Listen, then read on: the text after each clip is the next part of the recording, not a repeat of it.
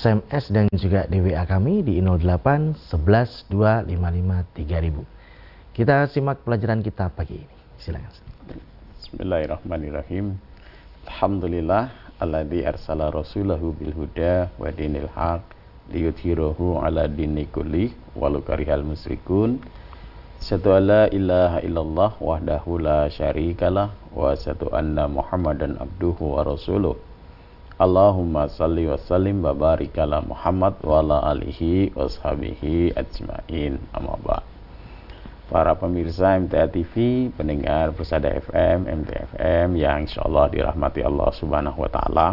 Yang pertama, tentu mari senantiasa kita memanjatkan rasa syukur kita kehadirat Allah Subhanahu wa Ta'ala bahwa pada kesempatan pagi hari ini Allah masih curahkan nikmat kepada kita, kasih sayangnya kepada kita sehingga kita dibangunkan lagi, dihidupkan lagi oleh Allah Subhanahu wa taala dalam keadaan beriman kepada Allah Subhanahu wa taala.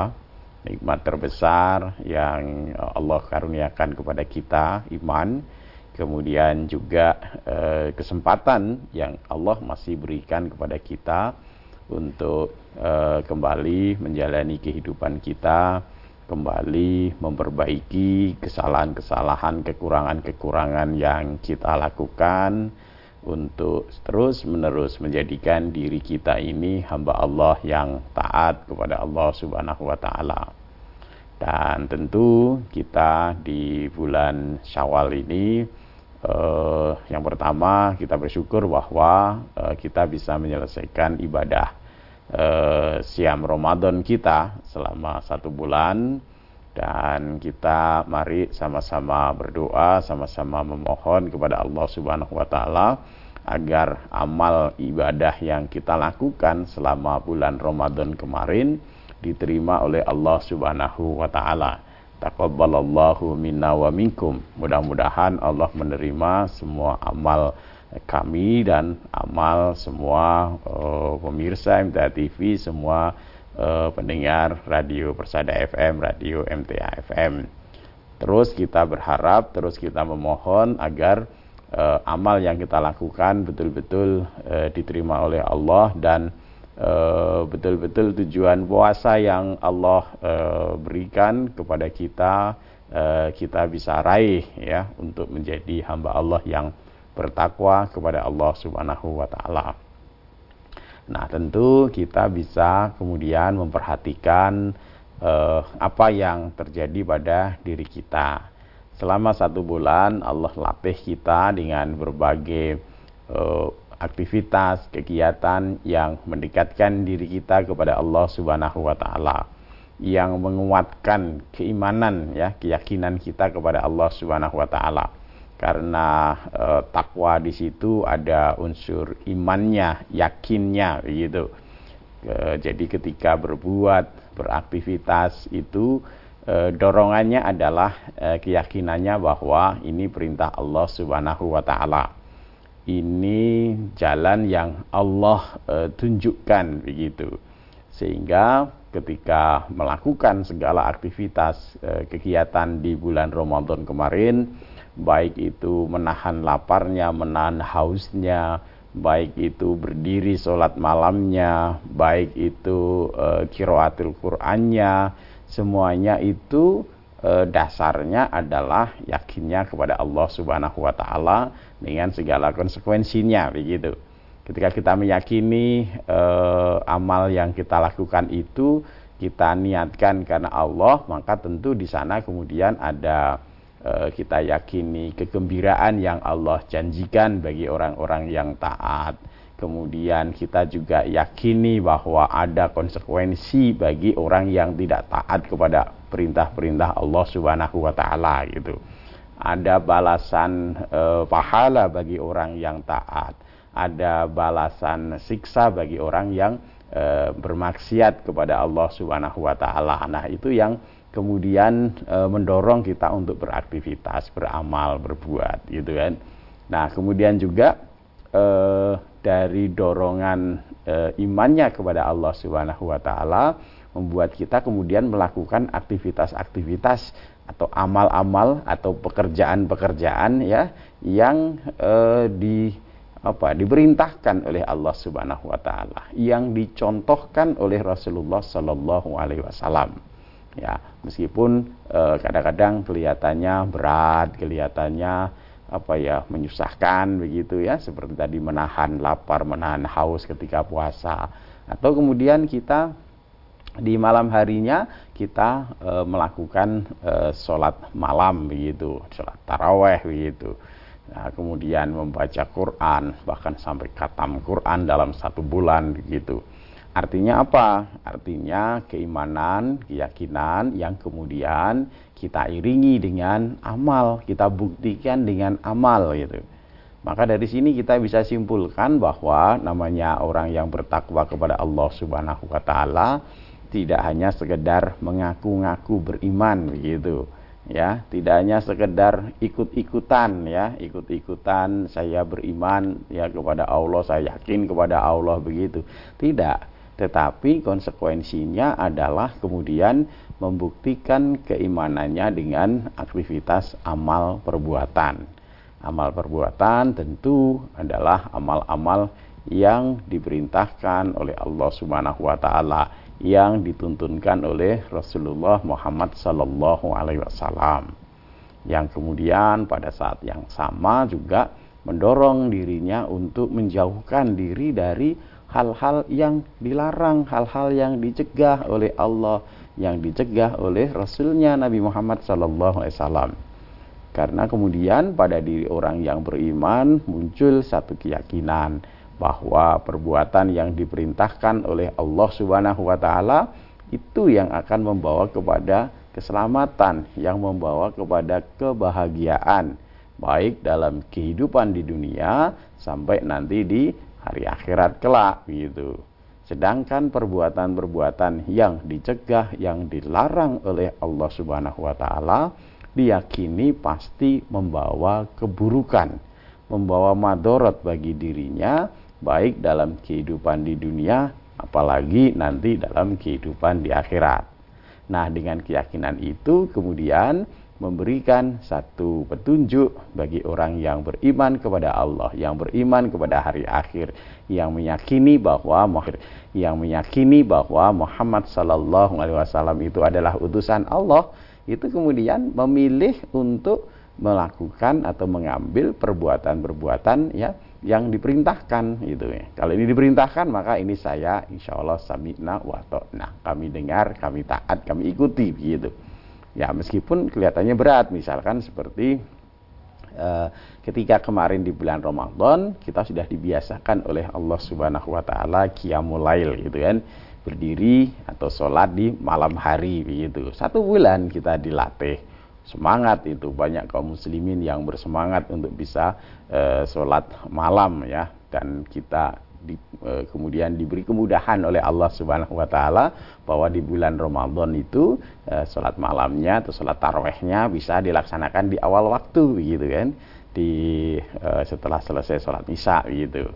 Nah di lain bulan Ramadan tentu sholat malamnya dilakukan setelah lewat tengah malam begitu yang utama adalah di sepertiga malam yang akhir di mana di sana banyak keutamaan yang disebutkan oleh Rasulullah sallallahu alaihi wasallam.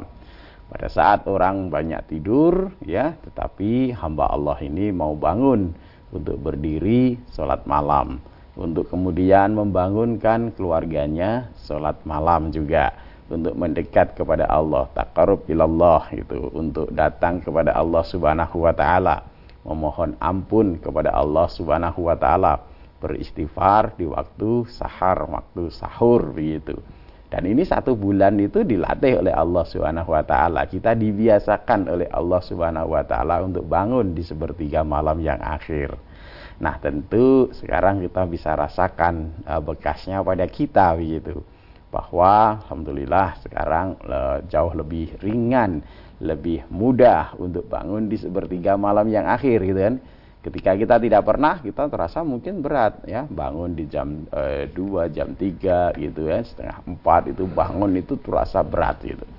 Tetapi setelah kemarin satu bulan uh, kita dilatih oleh Allah di bulan Ramadan, maka tubuh kita paling tidak itu sudah ada apa ya adjustmentnya, ada ada penyesuaiannya gitu ya. Karena kemarin kita bangun untuk sahur paling tidak gitu kan. Kalau sahur tentu uh, sebelum subuh itu kita sudah bangun itu. Bagi ibu-ibu tentu lebih awal lagi karena menyiapkan sahur untuk keluarganya kan begitu. Nah, maka ini kan kemudian e, tubuh kita menyesuaikan gitu sehingga sudah tidak terasa berat lagi ketika bangun di jam 3 begitu. Nah, tentu kalau sekarang e, mungkin kita tidak e, sahur tetapi manfaatkanlah, gunakanlah e, di waktu sepertiga malam yang akhir itu untuk berdiri, qiyamul lail, salat ya, mendekat kepada Allah Subhanahu wa taala begitu. Mo, e, mohon ampun kepada Allah Subhanahu wa taala mengadukan uh, apa ya problem atau hajat yang kita uh, miliki dalam kehidupan ini kepada Allah Subhanahu wa taala begitu. Nah, ini nanti yang akan menguatkan iman kita, meyakinkan kita bahwa kita punya tempat bergantung gitu kan. Allahus Somad gitu. Kita rasakan di sana begitu. Dan e, melepaskan diri kita dari ketergantungan kita kepada manusia begitu. Nah, ini yang kemudian nanti akan e, e, manfaat ya ya kalau kita e, bisa rasakan itu sebagai e, dampak dari kita kemarin selama satu bulan e, dilatih oleh Allah dengan berbagai amal ibadah itu salah satunya adalah qiyamulail gitu. Bangun sahur gitu. Bangun di waktu sahur gitu. Nah ini setelah selesai bulan Ramadan tentu kemudian e, tinggal kita menguatkan gitu ya meningkatkan terus menerus. Kalau kemarin memang suasana kebersamaannya ada begitu. Kaum muslimin semuanya e, bersemangat begitu. Nah kalau sekarang tentu mari kita bangun pada diri pribadi kita masing-masing begitu. Yang kemudian kalau yang sudah berkeluarga ya di keluarga begitu. Kalau kemarin di bulan Ramadan rumah kita di malam hari itu bisa terang ya untuk bangun sholat e, malam kemudian bangun sahur begitu nah maka sekarang setelah selesai Ramadannya ya mari rumah kita ya tetap terang gitu di malam hari itu. Tetap diisi dengan uh, hamba-hamba Allah yang uh, bangun untuk kemudian uh, takarub ilallah, mendekat kepada Allah Subhanahu wa taala dengan salat malamnya. Ya, kemudian yang lainnya tentu eh, kemarin kita di bulan Ramadan juga berlomba-lomba untuk eh, kiroah ya baca Quran begitu. Nah, maka tentu setelah Ramadan selesai, jangan kemudian bekasnya kemudian hilang gitu. Wah, Ramadan sudah selesai, sudah nggak pegang Quran lagi, sudah nggak baca Quran lagi. Habis maghrib, habis subuh, begitu, sudah, aduh Qurannya selesai, nanti bacanya tahun depan lagi. Jangan gitu. Jadi kemarin di bulan Ramadan itu kita memang dilatih, dibiasakan begitu. Sehingga lesan kita biasa, sehingga eh, apa namanya, e, ketika selesai sholat maghrib itu udah kalau tidak baca e, Quran itu rasanya apa ya ada yang tertinggal gitu ada yang kurang gitu kan gitu. maka sekarang ya biasakan karena Quran ini petunjuk kita. Quran ini yang kita yakini sebagai e, jalan ya kalau kita ingin menjadi orang yang bertakwa itu petunjuknya Quran gitu kan. Di surat Al-Baqarah itu kan dikatakan hudal lil mutaqin gitu kan petunjuk bagi orang yang akan bertakwa yang ingin menjadi orang yang bertakwa nah kalau kita lupakan, kalau kita lalaikan, tidak pernah dibaca, tidak pernah dipelajari, tidak berusaha untuk kita pahami, eh, apa yang akan kita dapat gitu kan? Nah, maka kalau Quran ini kita harapkan ya menjadi uh, berkah ya, kitab yang penuh e, berkah ini yang Allah turunkan untuk hambanya ini maka e, mari baca pelajari buka terus gitu interaksi terus dengan Quran gitu kalau mungkin kita e, dimulai dengan kiroah saja membaca begitu kemudian lanjut dengan tilawah ya berusaha pahami ya melalui eh, kajian-kajian, uh, melalui uh, apa namanya majelis-majelis begitu kita bisa ngerti itu. Nah nanti kita akan bisa merasakan Allah beri petunjuk terhadap berbagai persoalan kita itu. Nah maka jangan sampai kemudian setelah selesai Ramadan ah itu hilang begitu. Allah sudah latih satu bulan itu semangat baca Quran itu. Nah setelah selesai maka tentu kemudian uh, kita uh, tetap ya baca, tetap buka, maka nanti betul-betul Al-Quran itu menjadi obat bagi kita gitu kan. Sebagaimana yang Allah ingatkan ya. A'udzubillahi minasyaitonirrajim wa nunazzilu minal Qur'an ma huwa syifa'u wa rahmatul lil mu'minin gitu. Jadi Allah yang menurunkan Quran itu ya yang apa yang menjadi uh, asyifa gitu, obat ya dari segala mungkin kegelisahan kita ya dalam kehidupan di dunia ini, apa yang ada di dalam hati kita ini, di dalam dada kita gitu. Menghadapi berbagai persoalan, berbagai permasalahan, berbagai rasa yang ada pada diri kita, kekhawatiran, ketakutan, kesedihan dan seterusnya di sana obatnya di Quran ini begitu.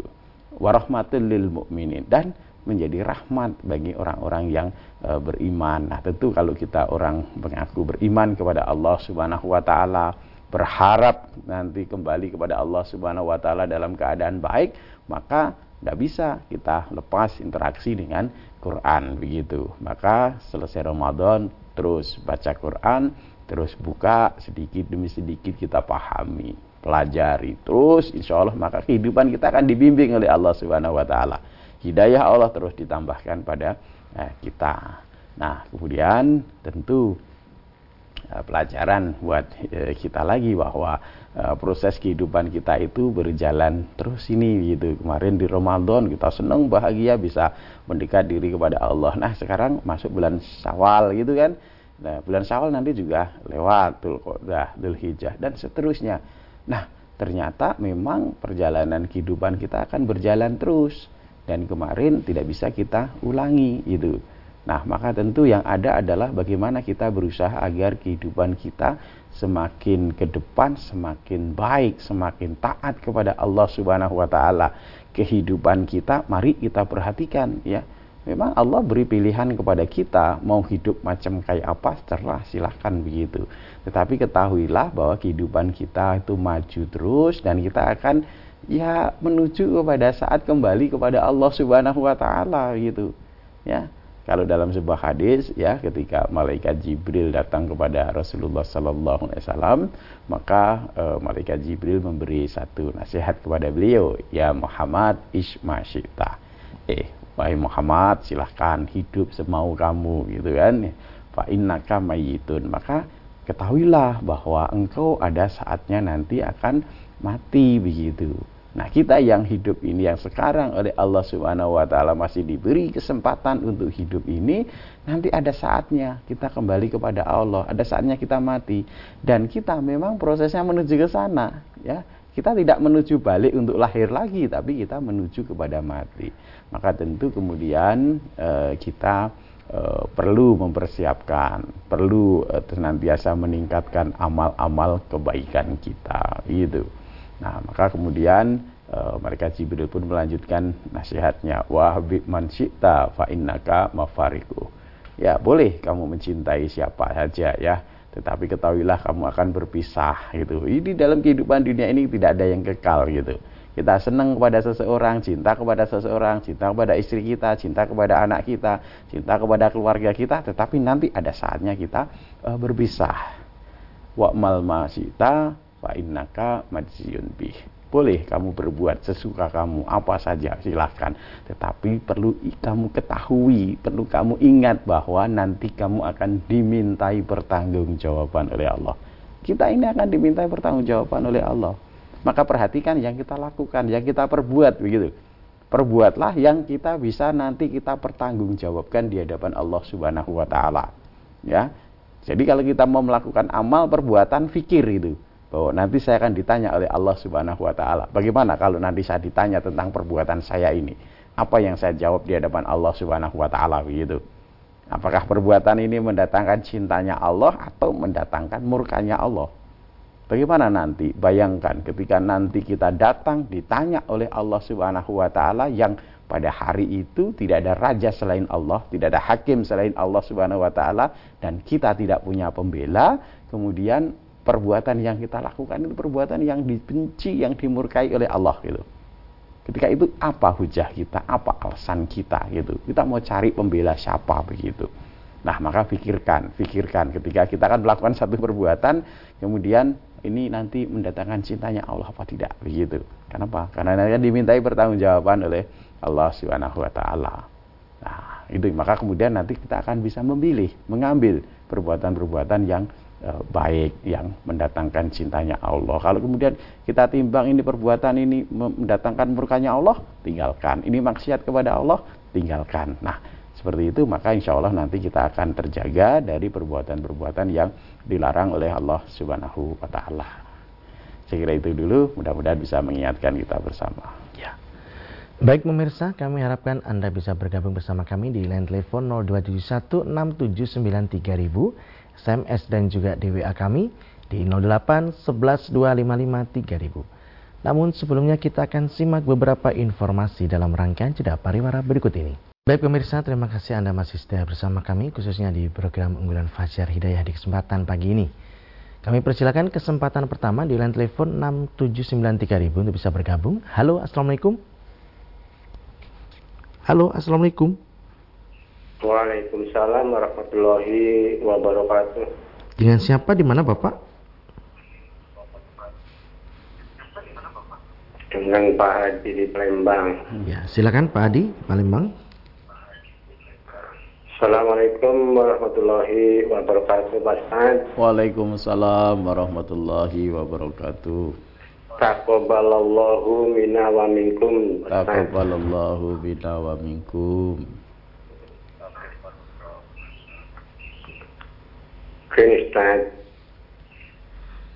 Saya menyampaikan sebuah hadis Hadis ini memang sudah biasa disampaikan dalam awal Ramadan Yaitu hadis mengenai puasa Punya gini Pak Ustaz, artinya dari Abu Hurairah dalam anhu dia berkata, Nabi Shallallahu Alaihi Wasallam bersabda, Barang siapa berpuasa Ramadan karena iman dan mengharap pahala dari Allah. Maka diampuni dosa-dosanya yang telah lalu. Yeah. Hadis riwayat Bukhari dan Muslim. Yang saya tanyakan bagaimana kalau saya berbuat dosa kepada orang lain, tapi belum minta maaf, karena lupa dan lain sebagainya apakah ini diampuni dosa-dosanya mereka hmm. yeah. mohon penjelasannya terima kasih wassalamualaikum warahmatullahi wabarakatuh Waalaikumsalam warahmatullahi wabarakatuh Ya, jadi kan kalau sekarang kan berarti tidak lupa gitu ya. ya. saya tidak pernah nyalai Mas Tommy misalkan. Uh, sekarang kan saya ingat begitu. Nah, tentu kemudian kewajiban kita ya hablum minanas kita dengan sesama manusia kalau kita mendolimi, kalau kita menyakiti itu kemudian sekarang kita sadar bahwa mendolimi, menyakiti, mengganggu saudara kita itu perbuatan-perbuatan yang dilarang oleh Allah Subhanahu wa taala maka tentu istighfar mohon ampun kepada Allah Subhanahu wa taala. Ya, nah, kemudian tentu eh, hubungan apa namanya eh, dengan sesama manusianya eh, kita diperintahkan untuk sambung silaturahimnya. Nah, salah satu e, untuk menyambung silaturahimnya, kalau kita pernah melakukan salah kepada saudara kita, kepada tetangga kita, kepada keluarga kita, minta maaf. Ya, minta maaf. Jadi kewajiban kita untuk minta maaf gitu. Nah, nanti saudara kita tuntunannya adalah kalau ada saudaranya yang salah, minta maaf itu fakfu mandulamaka gitu. Maafkan orang yang mendolimi kamu. Nah, ini indahnya persaudaraan eh, antar sesama orang yang beriman, antar sesama muslim begitu. Kalau kita salah, keliru, minta maaf.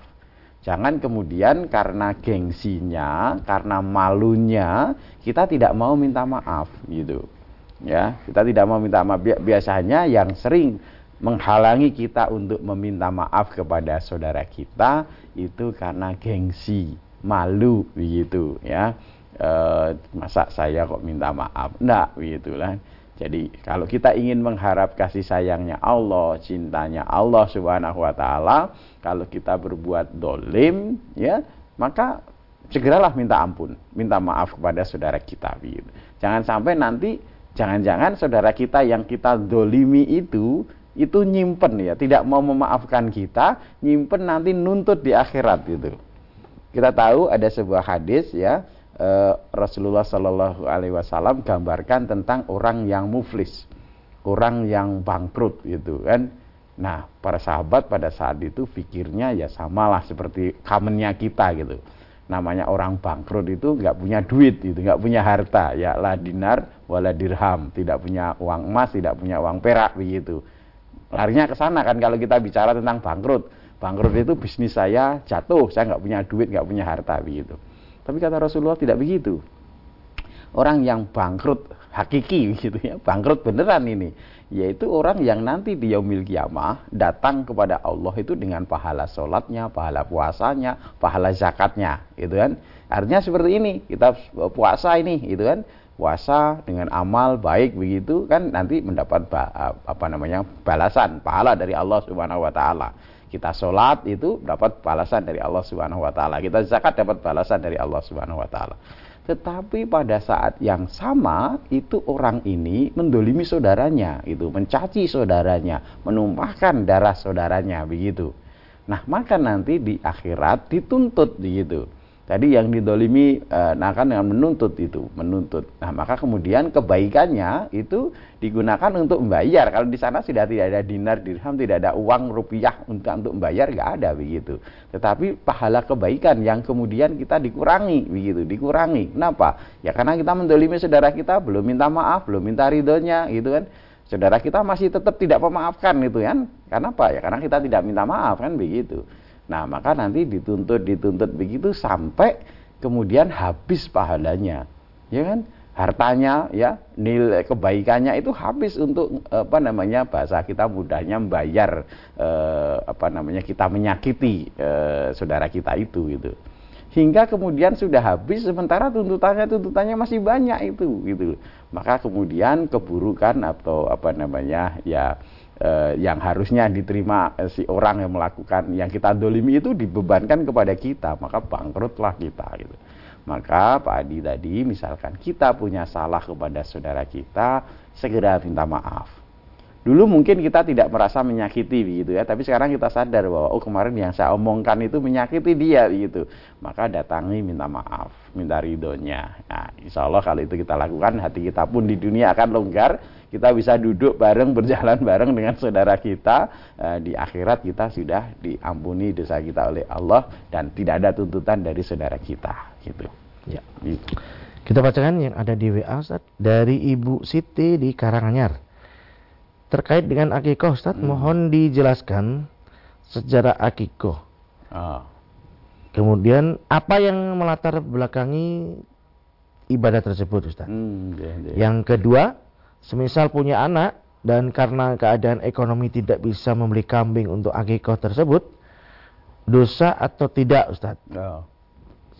Se semisal anak tersebut tidak diakikoi. Mohon pencerahannya. Yeah, yeah. Jadi akikoh itu salah satu syariat dalam agama kita yang terkait dengan e, kelahiran bayi, ya, kelahiran bayi. Nah, kita lihat dalam brosur kita, ya, misalkan nanti ibu bisa lihat di brosur e, 18 Agustus 2019, kan belum lama begitu ya.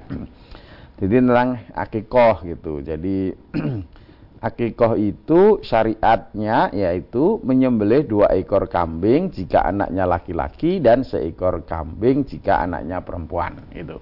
Nah ini sejarahnya itu memang sebelum sebelum uh, Rasulullah Shallallahu Alaihi Wasallam diutus, artinya pada masa jahiliyah itu sudah uh, sudah ada ada apa namanya uh, cara orang menyambut kelahiran anak gitu kan. Dalam hadis diriwayatkan ya Kuna fil jahiliyah ida wulida li ahadina gulamun dabaha syatan walata khoro sahu bidamiha. Falama Allahu bil Islam kuna nadbahu syatan wa nahliqu sahu wa naltohuhu bizak farin ya, bizak faron ya. Dahulu kami di masa jahiliyah apabila salah seorang di antara kami mempunyai anak ia menyembelih kambing dan melumuri kepalanya dengan darah kambing. Nah, ini kebiasaan budaya pada saat masa jahiliyah. Kalau seseorang itu memiliki anak begitu, maka dia motong kambing, kemudian e, darah kambingnya itu dilumurkan di kepala si bayi itu. Itu, itu kebiasaan jahiliyah. Nah, tapi kemudian setelah Allah mendatangkan Islam, kami menyembelih kambing, mencukur e, menggundul kepala si bayi dan melumurinya dengan minyak wangi. Nah, ini jadi tuntunan agama Islam itu sesuatu yang kotor, yang tidak baik diluruskan, dibersihkan begitu. Jadi kalau dalam e, sejarahnya tadi kalau tanyakan sejarahnya, kebiasaan orang jahiliyah kalau e, punya anak begitu dipotong kambing kemudian darahnya dipakai untuk melupuri kepalanya. Nah, maka agama kita memperbaiki itu ya. Jadi kalau berakikoh itu eh, apa namanya dipotong kambing, kemudian eh, eh, dua ekor untuk anak laki-laki, seekor untuk anak perempuan, kemudian dicukur, eh, digundul kepala, rambut kepalanya, kemudian dilumuri dengan eh, minyak wangi begitu. Nah, kita bisa bandingkan ya tuntunan agama kita, insya Allah jauh lebih bersih, jauh lebih baik. Kemudian akikoh ini hukumnya sunnah sunnah muakkad. Kalau namanya sunnah ya tetap bagaimanapun ketika Allah misalkan tadi yang ditanyakan tidak beri kemampuan ya tidak dilakukan tidak apa-apa. Tetapi kalau Allah beri kemampuan ya di apa namanya ditekankan untuk dilakukan seperti itu ya. Ya. Masih ada kesempatan masih di WA dari Pak Zahidi di Lampung menanyakan apakah ada Ustadz sholat sunnah sebelum sholat isya. Hmm, ya. Jadi kalau sholat uh, sholat sunnah sebelum sholat isya, artinya sholat yang mengiringi sholat fardu kan begitu. Isya itu sholat fardu atau sholat wajib atau kita biasa kenal sholat rawatib gitu. Nah sholat rawatib itu ada sholat yang uh, muakat dan goiru muakat itu kan. Uh, yang muakat itu uh, dua rakaat Eh, sebelum sholat subuh atau kita sering sebut dengan sholat fajar itu kemudian dua rakaat atau empat rakaat sebelum duhur. Kemudian dua rakaat setelah duhur dua rakaat setelah maghrib dan dua rakaat eh, sesudah isya ya. Itu yang muakat gitu kan. Kemudian yang eh, ghairu muakat itu ada di dua rakaat sebelum eh, sholat maghrib. Itu ghairu muakat gitu. Eh, Kemudian eh, tadi dua rakaat setelah ba'diyah duhur itu juga wiru mu'akad. Jadi kalau setelah sholat duhur itu kita sholat eh, dua rakaat, dua rakaat atau empat rakaat itu yang dua rakaat eh, mu'akad, yang dua rakaat wiru mu'akad gitu. Artinya yang mu'akad itu yang eh, ditekankan gitu ya. Sholat sunnah yang ditekankan dan di riwayat disebutkan Rasulullah SAW tidak tinggalkan itu. Kalau yang gairu mu'akad itu di riwayat disebutkan misalkan sebelum sholat maghrib Beliau perintahkan, ayo sholat qobliyah maghrib, sholat qobliyah maghrib, sholat sebelum maghrib, sholat sebelum maghrib. Kemudian beliau lanjutkan bagi yang mau, ya, seperti itu. Jadi eh, tidak ditekankan. Nah kalau dua rakaat sebelum isya, saya belum eh, tahu eh, dasarnya yang khusus menyebut itu, begitu. Memang ada sebagian eh, yang memakai keumuman, keumuman dari eh, lafat eh, hadis bahwa antara dua adan artinya dua adan itu ya dari uh, adan dan ikomah itu ada sholat sunnah itu pakai keumuman hadis itu begitu. Tetapi yang menyebut uh, spesifik dua rakaat sebelum uh, sholat isya itu kami belum tahu dasarnya. Seperti itu gitu jadi silahkan dilakukan yang kita sudah tahu e, nas-nasnya dengan jelas saja tadi. Misalkan kita bisa istiqomah tertib rawatibnya itu ya. Dua rakaat sebelum subuh, dua rakaat atau empat rakaat sebelum duhur, dua rakaat sesudah duhur, dua rakaat sesudah e, e, apa namanya maghrib, dua rakaat sesudah isya itu konsisten e, istiqomah lakukan itu insya Allah sudah kebaikan yang luar biasa. Gitu. Saya kira gitu nih. Ya. Baik Ustaz kami sampaikan terima kasih atas pelajaran dan tausiahnya di kesempatan pagi ini. Kita nantikan pelajaran berikutnya insya Allah Ustaz. Assalamualaikum warahmatullahi wabarakatuh. Waalaikumsalam warahmatullahi wabarakatuh. Baik saudaraku pemirsa channel terpilih MTA TV di mana pun Anda berada Demikian tadi telah kita simak dan bersama program unggulan Fajar Hidayah di kesempatan pagi ini Kita jumpa kembali di kesempatan mendatang dan saya Tommy Al-Fatani pamit undur Alhamdulillah Alamin Subhanakallahumma wa bihamdika Asyadu ala ilaha illa anta astaghfirullah wa atubu Assalamualaikum warahmatullahi wabarakatuh